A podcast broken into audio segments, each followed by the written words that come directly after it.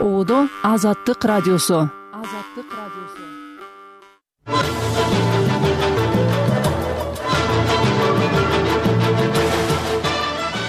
Кыргызстанда жана дүйнөдө болуп жаткан соңку окуялар менен эфирде азаттык. Бүгүн кабарчыларыбыз кеңири кайрыла турган темалардан. Борбордук шайлоо комиссиясы матраимов менен ражабалиевди депутаттык мандатынан ажыратты. Жаздым жазыш керек деп ойлоп жаздым чечим кабыл алдым жаздым. Эч нерседен улам жок эле ошентип чечтим ошентип жаздым жогорку кеңеш чет элдик өкүл жөнүндө мыйзам долбоорун экинчи окууда кабыл алды. Алардын баары жабылса мамлекет ошол функцияларды аткарууга даярбы десем даяр деп жооп бергениңер менен өкмөттө ошол жардам берген көлөм отуз жылда бир да иликтенген эмес да. Казакстанда миңдеген адамдардын жеке маалыматтары ачыкка чыгып кетти. Утечки они очень опасны. Маалыматтын ачык жарыяланып кетиши өтө кооптуу себеби аны түрдүү максатта колдонсо болот мисалы опузалап же алдап. Ушул жана башка темаларда кеңири жазылган баяндардан угасыз азаттыктан алыстабай туруңуз. Жыйырма экинчи февраль бейшемби күнкү чыгарылышыбызды сиз түз эфирде тыңдап жатасыз. Берүүнү алып барып жаткан мен кундуз кызылжарова. Алгач соңку жаңылыктар топтому кесиптешим токтосун шамбетовдон рахмат саламатсыздарбы. Борбор шайлоо комиссиясы жыйырма экинчи февралдагы отурумунда өздөрү арыз жазган арыздын негизинде жогорку кеңештин депутаттары искендер матраимов менен нурлан ражабалиевдин депутаттык мандатынан ажыратты.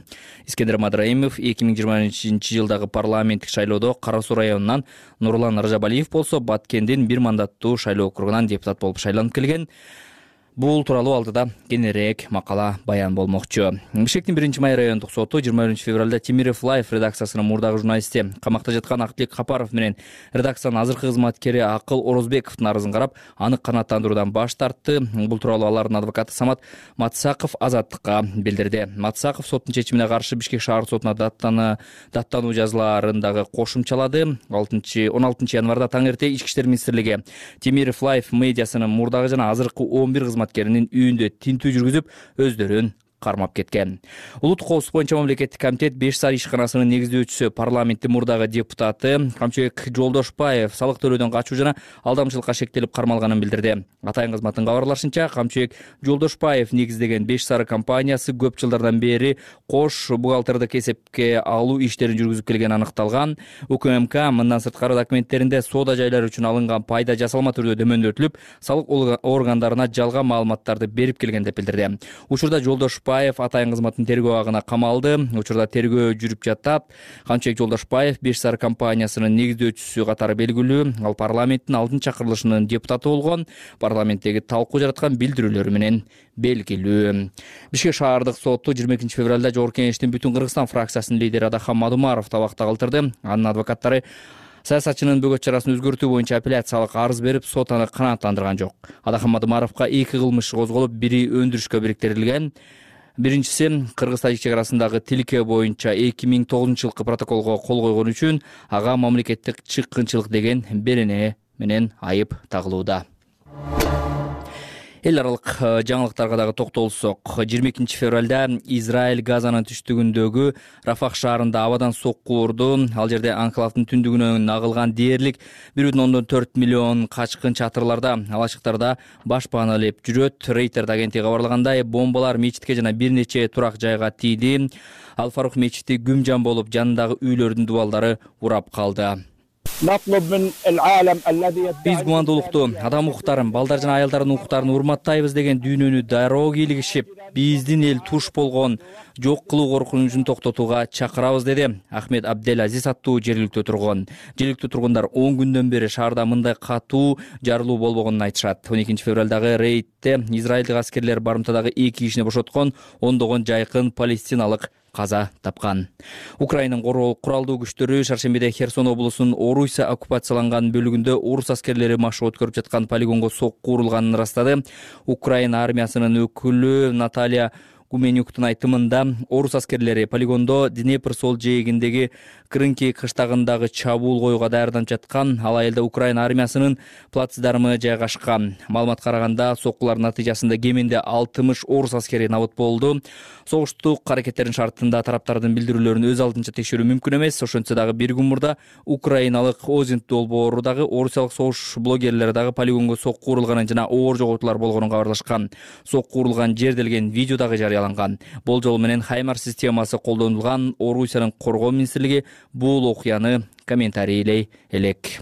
Рахмат сизге күндүн орчунду делген кабарлары менен кесиптешим токтосун шамбетов тааныштырды биз программабыздын баяндар бөлүгүнө өтөбүз борбордук шайлоо комиссиясы өздөрү жазган арыздын негизинде жогорку кеңештин депутаттары искендер матраимов менен нурлан ражабалиевди депутаттык мандатынан ажыратты. Искендер матраимов бажы кызматынын төрагасынын мурдагы орун басары издөөдө жүргөн райымбек матраимовдун бир тууган агасы. Ал эми нурлан ражабалиев мындан үч жыл мурун коррупция беренеси боюнча соттолгон. Тергөөнүн маалыматында ал райымбек матраимов менен коррупциялык схема түзгөнү айтылган эле. Ошентип соңку он күн ичинде матраимовго тиешеси бар экени айтылган үч депутат мандатын тапшырды. Кабарчыбыз түмөнбай абдинаби уулу кеп кезегин улантат кара суу бир мандаттуу шайлоо округунан депутат матраимов искендер исмаиловичтен ыйгарым уктар мөөнөт менен мурда токтотуу боюнча арызы э, борбордук шайлоо комиссиясына келип түштү борбордук шайлоо комиссиясы жогорку кеңештин эки депутаты искендер матраимов менен нурлан ражабалиевди мандатынан ажыратты. Мындай чечим депутаттардын өзүнүн арызынын негизинде боршайкомдун жыйырма экинчи февралдагы жыйынында кабыл алынды комиссиянын шайлоо процессин уюштуруу башкармалыгынын жетекчиси төлөгөн айтикеевдин баяндамасында эки депутаттын мандаты алынып алар шайланып келген бир мандаттуу шайлоо округдарында кайра шайлоо дайындоо үчүн президентке сунуш берүү айтылган. Комиссиянын мүчөлөрү бул маселени талкуусуз бир добуштан колдоду. Суроолор жок болсо сунушталган токтомдоо борбору добушка коюлат добуш берсеңиздер ким макул. Бир добуштан кабыл алынды он бир макул жыйында эки депутаттын арызы кандай себеп менен жазылганы расмий айтылган жок. Нурлан ражабалиев депутаттыктан кетүү боюнча чечимин азаттыкка мындай комментарийледи жаздым жазыш керек деп ойлоп жаздым чечим кабыл алдым жаздым. Эч нерседен улам жок эле ошентип чечтим ошентип жаздым. Муну матраимовго байланыштуу талкууга байланыштыра алабызбы? Өз каалоом менен эле жаздым мына көрүп атасыңарго жаздым өз каалоом менен жаздым дагы айтып атам. Билбейм эми кантип айтып берейин. Бул боюнча искендер матраимовдун пикирин билүүгө мүмкүн болгон жок. Соңку учурда бажыдагы коррупциянын фигуранты райымбек матраимов менен байланышы бар да деген жогорку кеңештеги депутаттарды кетирүү боюнча талкуу жүрө баштаган. Он бешинчи февралда улуттук коопсуздук мамлекеттик комитетинин төрагасы камчыбек ташиевке жакын экени айтылып жүргөн регион телеканалында искендер матраимов надира нарматова айбек осмонов шайлообек атазов жана нурлан ражабалиев мандатын тапшырышы керек деген үмүттөгү бир нече материал жарыяланган. Анда пикирин билдирген эксперт саясат талдоочулар мафия аталып издөөгө алынган адамдын жакындары парламентте отурбашы керек деген жүйө келтиришкен. Бул боюнча райымбек матраимовдун бир тууган агасы депутат искендер матраимов азаттыкка учкай пикирин билдирген болчу. Анан кечээки сүйлөшкөн сүйлөгөндөрдү көрдүм. Бирөөсү агасы дейт бирөөсү иниси дейт. Ага инеге жооп бербейт эми балага дегенде эле ага инеге жооп оштогу үй оштогу үй бул апамдан калган баягы мураскер үй да. Ошентип соңку он күн ичинде матраимовго тиешеси бар экени айтылган үч депутат мандатын тапшырды. Боршайком он төртүнчү февралда ата журт кыргызстан партиясынын тизмеси менен келген абдубахап боронбаевди өзүнүн арызынын негизинде мандатынан ажыраткан. Боронбаев менен ражабалиев эки миң жыйырма биринчи жылы райымбек матраимов менен бирге коррупция беренеси боюнча күнөөлүү деп табылган боронбаев бюджетке сегиз миллион сом төлөп кутулса ражабалиев он эки миллион сом төгүп кийин соттун чечими менен дагы эки жүз алтымыш миң сом төлөгөн. Саясатчы мавлян аскарбеков кыргызстанда райымбек матраимовго байланышы болгон адамдарга чара көрүүнүн мындай ыкмасын кубаттай турганын айтты. Бул жерде жөн эле моралдык жоопкерчилик эмес бул жерде түздөн түз жоопкерчилик болуш керек. Мафия деген бул жалгыз эле матраимов эмес да. Ошо мафия деген бул ошо матраимовду э, жандап матраимовдун айтканын кылып жанагындай мамлекетти тоноого түздөн түз же кыйыр катышы бар адамдардын баардыгы мандатын тапшырып кызматтан кетип жана кылмыш жоопкерчилигине тартылыш керек. Шайлоочуларга жабынып биз элдин өкүлүбүз анча анча киши анча миң киши шайлаган деген болбогон сөз. Мандат маселесине байланыштуу маселе көтөрүлө баштагандан кийин өздөрүн искендер матраимовдун шайлоочулары экенин айткан жарандар интернет аркылуу видео кайрылуу жолдоп анын мандатына байланыштуу маселени эл чечиши керек деген оюн айтышкан эле. Анын депутаттык мандаты боюнча маселени биз гана чечишибиз мүмкүн. Кааласак алып коюшубуз мүмкүн. Бирок бизден башка бирөөлөр мандатын алыш керек антиш керек мынтиш керек баардыгы мыйзамсыз мыйзамдуу биз гана чечебиз деп айтылат интернетке жарыяланган кайрылууда. Сегизинчи февралда улуттук коопсуздук мамлекеттик комитети райымбек матраимовдун отуз төрт миллион сегиз жүз он миң беш жүз долларлык кыймылсыз мүлкү мамлекеттин менчигине өткөнүн билдирген. Анын ичинде бишкек менен ош шаарларындагы кымбат үйлөр коммерциялык имараттар чүй жана ош облусундагы эки бажылык каттоо жери көрсөтүлгөн ош облусунун кара суу районунда райымбек матраимовго тиешелүү делген жыйырма алты кыймылсыз мүлк камакка коюлганы белгилүү болду. Түмөнбай абдинаби уулу азаттык бишкек жогорку кеңеш талаштуу коммерциялык эмес уюмдар жөнүндө мыйзам долбоорун экинчи окууда колдоду. Парламенттин отурумунда айрым депутаттар долбоор кабыл алынса билим берүү гендердик теңчилик жана социалдык маселелерди чечүү боюнча иштеген уюмдарга кедергисин тийгизерин айтышты. Ошондой эле репрессивдүү документ мындай уюмдардын жабылышына чейин алып барары айтылууда. Эл аралык уюмдар кыргыз бийлигин чет өлкөлүк өкүл мыйзамын кабыл албоого чакырууда. Ал эми мыйзамдын авторлору андагы жоболор мамлекеттин көз карандысыздыгын камсыз деп жооп узатууда. Теманы жазгүл эгембердиева улантат. Макул алтымыш төрт каршы беш баары алтымыш тогуз катталды сексен үч аталган мыйзам долбоору экинчи окууда кабыл алынды коомчулукта чет элдик өкүл катары таанылган коммерциялык эмес уюмдар жөнүндө мыйзам долбооруна алтымыш төрт депутат макул болсо беш депутат. Дастан бекешев чыңгыз айдарбеков сейитбек атамбаев эрулан көкүлов жана элвира сурабалдиева каршы добуш берди. Добуш берүүнүн алдында депутат алишер эрбаев берген сунуштары эске алынбагандыктан мыйзам долбооруна автор болуудан баш тартканын билдирди. Менин берген сунуштар кабыл алынган жок. Ошол жерде мен айттым эле кылмыш жаза кодексине азыр киргизүү эртерээк эл өкүлү надира нарматова жазган мыйзамга алгач отуз эки депутат демилгечи болгон кийин айрымдар демилгечи болуудан баш тартып отуруп азыр он сегиз депутат автор болуп калды. Талаштуу мыйзам парламенттин экинчи окуусунда кабыл алынганы менен бир топ суроолорду жаратты. Алардын бирин дастан бекешев надира нарматовага узатты. Э, журналисттер иликтөө кылганда мындай жазып атышат. Надира азимовна өзү чет өлкөлүк агент себеби анын имараты Э, россиялык генконсульствого ижара катары берилген деп ушуну айтып атышат да. Бул канчалык чын же калп? Э, нарматованын э, демилге көтөрүп он жылдан бери бул жасаган ишине сиз акыркы өзүңүздүн кычык сурооңузду берип калайын деген рахатта болуп аткан болсоңуз анда угуп алыңыз. Менин жекече жашоомо тиешелүү эмес бул мыйзам. Бул мамлекеттин коопсуздугу үчүн мамлекеттин тынчтыгы үчүн мамлекеттин эгемендүүлүгү үчүн кабыл алынып аткан мыйзам. Дастан бекешев бул мыйзам өлкө экономикасына терс таасирин тийгизерин айтса элвира сурабалдиева документтин өлкөдөгү социалдык маселелерди чечүүдө кол кабыш кылган уюмдарга болотурчу кедергесин эскертти. Көптөгөн нколор аялдарга жардам беришет. Көптөгөн нколор именно деген мүмкүнчүлүгү чектелген адамдарга жардам берип жатышат. Мына азыр мага каттар келип атат. Мен аны администрация президенттин фондуна жөнөтөм спикердин фондуна жөнөтөм жардам бергилечи деп суранып кабминдин премьер министрдин фондуна жөнөтөм. Толтура каттар жооптор келип атат кечирип коюңуздар бизде каражаттар жок деп жардам бере албайбыз деп. Анан ошол жерден аларга деген ошол организациялар жардам берип жатат. Жеке жолугушууларда ошондой компанияларды ойлонуп атат да фирмалар. Э, э, уюмдар биз кандай кылабыз деп чыгып кетебиз кошуна өлкөгө чыгып кетебизби депчи. Сурабалдиева гендердик багытта иштеген бейөкмөт уюмдар жабылып калат деп кооптонууда. Мыйзамдын авторлору болсо бул документ бир гана кыргызстандын саясатына киришкен уюмдарга тиешелүү деп ишендирип жатышат мыйзам долбоордо бейөкмөт уюмдар коомдук пикирди түзүүгө багытталган саясий акцияларды уюштурууга жана өткөрүүгө катышса жоопкерчиликке тартылаары жазылган. Ал эми саясий иштин формалары деп чогулуштар митингдер дебаттар дискуссиялар шайлоолорду референдумдарды өткөрүүдө мониторинг жүргүзүү мамлекеттик органдарга кызмат адамдарга ачык кайрылуулар жүргүзүлүп жаткан саясат жөнүндө пикирлерди жайылтуу жана башка бир катар пункттар белгиленген биздин укук бейөкмөт уюмунун жетекчиси калича умралиева бул катаал беренелер жарандык коомдун үнүн басууга багытталганын айтууда. Биздин коом грант алса иностранный агент.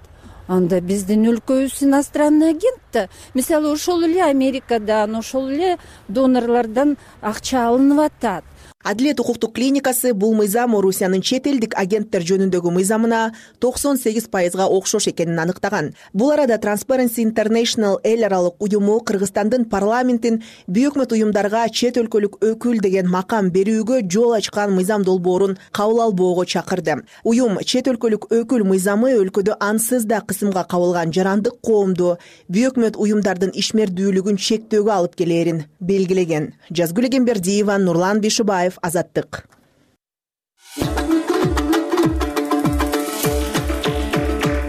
Эл аралык кабарлардан казакстанда миңдеген кишинин жеке маалыматы интернеттеги ачык булактарга тарап кеткен окуянын себеби иликтенүүдө.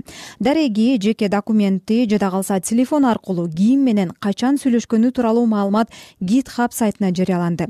Жеке маалыматы ачыкка чыккандардын арасында казакстандык төрт мобилдик байланыш компаниясынын кардарлары бар. Бул ишке кытай өкмөтү менен тыгыз байланышта иштеген айти компаниянын тиешеси бар экени кабарланды.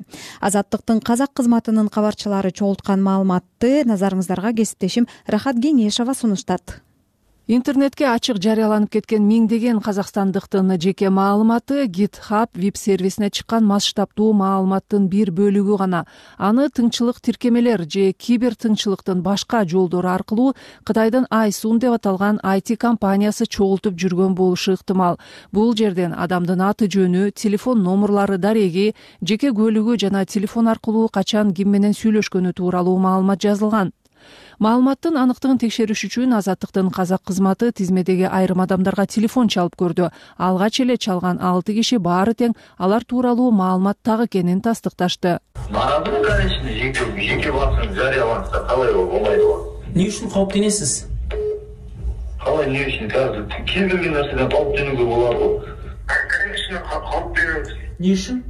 А может олар эртең бирдеме алуу да мүмкүн го или башка бир башка бир нерсе салып жиберсе эртең жоксуз бирдеме салып жиберсе калай болот кибер ньюс сайты айсу компаниясы кытай өкмөтү тагыраагы бул өлкөнүн коомдук коопсуздук министрлиги менен тыгыз кызматташат болушу ыктымал деп жазды. Компания өзү да расмий бейжиңда жооп берген жок. Бул окуя казакстандыктар арасында кооптонуу жана эмне үчүн бийлик өз жарандарынын маалыматтык коопсуздугун камсыз кыла алган жок деген суроо пайда кылды маалымат министрлиги улуттук коопсуздук комитети менен бирге териштирүү башталганын билдирди. Жарандардын жеке маалыматы чет өлкөлүк сайтка чыкканына кооптонуусун депутаттар дагы айтып чыгышты. Мажлис депутаты екатерина смышляева. Настораживает то жеке маалыматтын курамы жана анын купуялыгын сактоо деңгээли кооптондурууда эгер мурда дарек менен эле телефон жазылса азыр ошол эле схема боюнча медициналык банктык башкача айтканда купуя сыр маалыматтар дагы чыгып кетүүдө. Деп парламент отурумунда сүйлөп жатып белгиледи. Коопсуздук багытында иштеген казакстандык кибер чабуулдарды анализдөө жана иликтөө борбору деп аталган жеке уюм окуяны өз алдынча талдап көрдү. Казакстандын өзүндөгү системалык ката себеп болгон деген тыянакка келген борбор кытайлык хакердик тиркеме казакстандык байланыш операторлордун эң маанилүү маалымат базасын көрүп турганына эки жыл болгонун билдирди digital right center казакстан деп аталган уюмдун эксперти элжан кабышевдин айтымында утечки они очень э, опасны. Маалыматтын ачык жарыяланып кетиши өтө кооптуу себеби аны түрдүү максатта колдонсо болот. Мисалы опузалап же алдап тилекке каршы жеке менде мисалы кооптуу абалда калгандай сезим жаралып олтурат кибер чабуулдарды анализдөө жана иликтөө борборунун божомолунда интернетке чыгып кеткендер арасында казакстандын коргоо министрлигине эйр астана компаниясына жана пенсиялык фондуна байланыштуу дагы маалыматтар бар. Казакстан бул окуянын анча чоң эмес бир бөлүгү гана. Андан тышкары түркия франция жана индия боюнча дагы маалыматтар камтылган. Казакстанда маалымат коопсуздугуна санариптик өнүктүрүү министрлиги менен бирге мамлекеттик техникалык кызмат мекемеси жооптуу үч жыл мурда улуттук коопсуздук комитети көзөмөлдөгөн бул кызматтын ыйгарым укуктары кыйла кеңейтилген. Азаттыктын казак кызматынын кабарчылары даярдаган макаланы назарыңыздарга мен рахат кеңешова сунуштадым. Кадырман угарман күндүн негизги делген жаңылыктарынан эске салабыз борбордук шайлоо комиссиясы жыйырма экинчи февралдагы отурумунда өздөрү жазган арыздын негизинде жогорку кеңештин депутаттары искендер матраимов менен нурлан ражабалиевди депутаттык мандатынан ажыратты. Атайын кызмат беш сары ишканасынын негиздөөчүсү парламенттин мурдагы депутаты камчыбек жолдошбаев салык төлөөдөн качуу жана алдамчылыкка шектелип кармалганын билдирди. Бишкек шаардык соту жыйырма экинчи февралда жогорку кеңештеги бүтүн кыргызстан фракциясынын лидери адахан мадумаровду абакта калтырды. жыйырма экинчи февралда израиль газанын түштүгүндөгү рафах шаарына абадан сокку урду ал жерде анклавдын түштүгүнөн агылган дээрлик бир миллион төрт жүз миң качкын чатырларда ала чыктарда башпааналап жүрөт баяндарга кезек беребиз эми ички иштер министрлиги жыйырма экинчи февралда камакка алынган журналисттерди суракка алууну баштады. Мунун алдында учурда тергөө абагында отурган кабарчы сайпидин султаналиев тергөөчүлөр аны бир айдан ашык убакыттан бери суракка чакыра электигин билдирген. Ал тапта human rights watch эл аралык укук коргоо уюмунун өкүлү соңку окуялардан улам кыргызстанда адам укугу начарлап бара жатканына камтамачылыгын билдирди. Толугураак эленора бейшенбек кызы айтып берет ички иштер министрлигинин тергөө кызматына жыйырма экинчи февралда темиров лайф жана айт айт десе долбоорлорунун директору махабат тажыбек кызы менен арча медианын журналисти сайпидин султаналиев суракка чакырылды. Бул тууралуу султаналиевдин адвокаты жаныш бараков билдирди. Ал сурак кыскача гана болгонун биринчи сурак протоколундагы суроолор гана кайталанганын айтты. Он үчүнчү март бөгөт кое чарасы кайра каралат. Ошон үчүн фиктивный допрос кылып атпайбы булар эртең сотко алып барып узартуу кылганда адвокаттар мына эки айдан бери жатат бир дагы чакырган жок бир дагы следственный тергөө абалын өткөзгөн жок дебесин жай эле жөн эле ошон үчүн эле чыгарып эле кыскача эле сурак кылып коюлдорду койдуруп эле кылып атат ошон үчүн эле. Башка эч кандай жаңылык жок. Ички иштер министрлиги бул дооматтар тууралуу назарынча комментарий бере элек. Мунун алдында султаналиевдин кайрылуусу анын фейсбуктагы баракчасына жарыяланган анда камалган бир айдан ашык убакыттан бери тергөөчүлөр аны суракка чакыра электигин билдирген. Юрист таттыбүбү эргешбаеванын пикиринде өлкөдө камоолорго тергөөгө байланыштуу мыйзам бузуулар кадыресе көрүнүшкө айланды. Супер президенттик өлкөдө полицейский режим соттор алсыз көптөгөн мыйзам бузуулар болуп атат. Бул тенденция биринин артынан экинчиси кемпир абадчыларга тиешелүү дагы болду. Азыр журналисттерге өттү. Бул ушу полициялык режимдин таасири да. Мунун алдында human rights watch уюмунун европа жана борбор азия аймагындагы директору хё юлемсон кыргызстандагы чет өлкөлүк өкүл мыйзамын кабыл алуу аракети жана журналисттердин негизсиз камалышы тууралуу билдирүү тараткан. Ал мурдагы твиттер социалдык тармагындагы баракчасына өлкөдө адам укугунун абалы начарлап жатканын эскерткен. Парламент жыйырма экинчи февралда коммерциялык эмес уюмдар жөнүндө мыйзам долбоорун көпчүлүк добуш менен экинчи окууда кабыл алды. Өткөн айда кыргызстандын акшдагы элчиси бакыт аманбаев human rights watch уюмунун вашингтондогу кеңсесинин директору сара егер менен жолуккан. Элчиликтин басма сөз кызматы анда аманбаев өлкөдөгү адам укуктарынын абалы тууралуу кеңирээк маалымат берди деп билдирген. Кыргыз тосу басылмасынын редактору мырзакат тыналиев соңку жагдай тууралуу комментарий берип жатып соттун чечимин күтүү керектигин айтты. Салыштырып алганда ушуна мамлекеттерге караганда дайыма эле сөз эркиндиги жогору болуп берген. Менин оюмча азыр деле жогору да. Журналисттердин камалышы кармалышы боюнча э, мыйзам бузуу болдубу болбодубу деген нерсе келиптирип эле сотто чечилиши керек да. Ушул human rights watch сыяктуу чет өлкөлүк уюмдар баа берүүгө толук объективдүү ар тараптуу боло алышпайт да. Деген менен талдоочу алмаз тажыбай human rights watch сыяктуу уюмдардын билдирүүлөрү отчеттору эл аралык коомчулук үчүн маанилүү экенине токтолду. Андагы камтамачылыктын экономикалык кесепети болушу мүмкүндүгүн билдирди.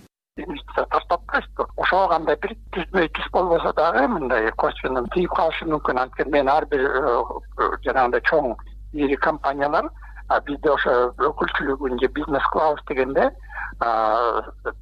эме спец анализ деп коет э, саясий технология социалдык э, жагынан карайт да ошондон караганда саясий жактан караганда ошо жанагы адам укугу жагын карайт да. Демек ошол жерден сакталбаса биздин мамлекетибизге кирбейт өткөн айда милиция темиров лайф медиасынын мурдагы жана азыркы он бир кызматкеринин үйүндө тинтүү жүргүзгөн жана аларды кармап кеткен соттордо бөгөт чаралары каралып он үчүнчү мартка чейин камакка алуу чечимдери чыккан.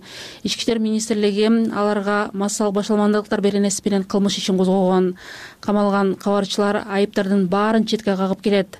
Буга чейин дагы бир топ эл аралык жана жергиликтүү укук коргоо уюмдары кыргыз бийлигин сөз эркиндигин сактоого чакырып камалган журналисттер бошотулушу керектигин айткан. Элеонора бейшетбек кызы азаттык. Маданий жана адабий руханий жана тарыхый маектер. Азаттык радиосунун сыябан түрмөгүндө. Сыябан түрмөгүндө. Үмүттөнө берем да.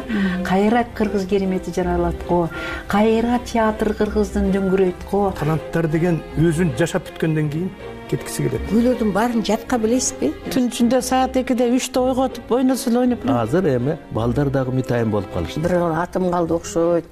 Канчалык өткөн күндөрүң түндөрүң бар сахнаң бар дегендей. Казак актер достор келгенде үйгө чакыра албайм да ошол аябай уят да мага алар жакшы турушат да. Мен мурда ойлочу элем там он сегиз жыл же жыйырма жыл жазгандар болот да операсынчы кантип эле ушу чыгарманы ушунча жыл кармап жаза берет депчи өнөрү жана таланты менен элге таанылган инсандар коомдук ишмерлер менен сыябанда баарлашабыз. Сыябанда баарлашабыз сиз азаттыкты угуп жатасыз угарман сталиндик репрессиянын курмандыгы болгон көрүнүктүү саясий ишмер абдыкерим сыдыков тууралуу документалдык тасма жарык көрдү. Кыргызстан быйыл кара кыргыз автоном облусунун жүз жылдыгын белгилейт. Абдыкерим сыдыков аны негиздегендердин бири болгон.